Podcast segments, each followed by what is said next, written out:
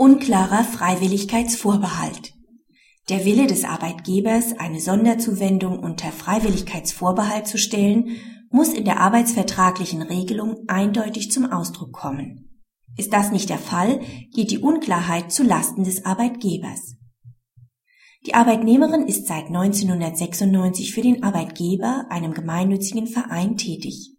Nach dem Dienstvertrag sind sämtliche Sonderzahlungen freiwillige Leistungen. In einem Klammerzusatz wird erklärend hinzugefügt, dass sich beispielsweise Weihnachtsgratifikationen nach den Bestimmungen des BAT richten. Bis zum Jahr 2003 zahlt der Arbeitgeber eine nach Tarifvertrag berechnete Weihnachtsgratifikation. Statt dieser wird ab dem Jahr 2004 eine geringere leistungsbezogene Sonderzahlung erbracht. Mit ihrer Klage macht die Arbeitnehmerin die Differenz zwischen Weihnachtsgratifikation und Sonderzahlung geltend. Erst die Revision der Arbeitnehmerin hat Erfolg. Das BAG hält den vorformulierten Freiwilligkeitsvorbehalt für unklar, sodass nach 305c Absatz 2 BGB zugunsten der Arbeitnehmerin davon auszugehen ist, dass es sich nicht auf das Weihnachtsgeld bezieht.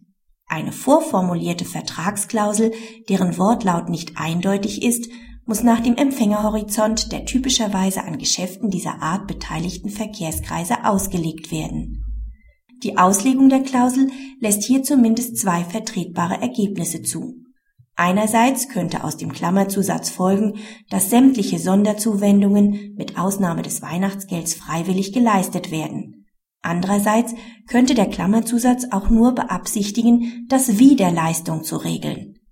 Das für die Arbeitnehmerin günstigere erste Auslegungsergebnis ist nach 305c Absatz 3 BGB zugrunde zu legen. Praxishinweis. Bei Freiwilligkeitsvorbehalten im Arbeitsvertrag darf die konkrete sprachliche Formulierung in keinem Fall in irgendeiner Weise einen Anspruch des Arbeitnehmers auf die Sonderzuwendung suggerieren.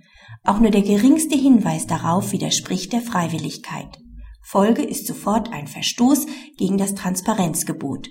Je knapper und präziser ein Freiwilligkeitsvorbehalt formuliert ist, desto sicherer kann der Arbeitgeber sein, dass seine Leistung tatsächlich freiwillig ist.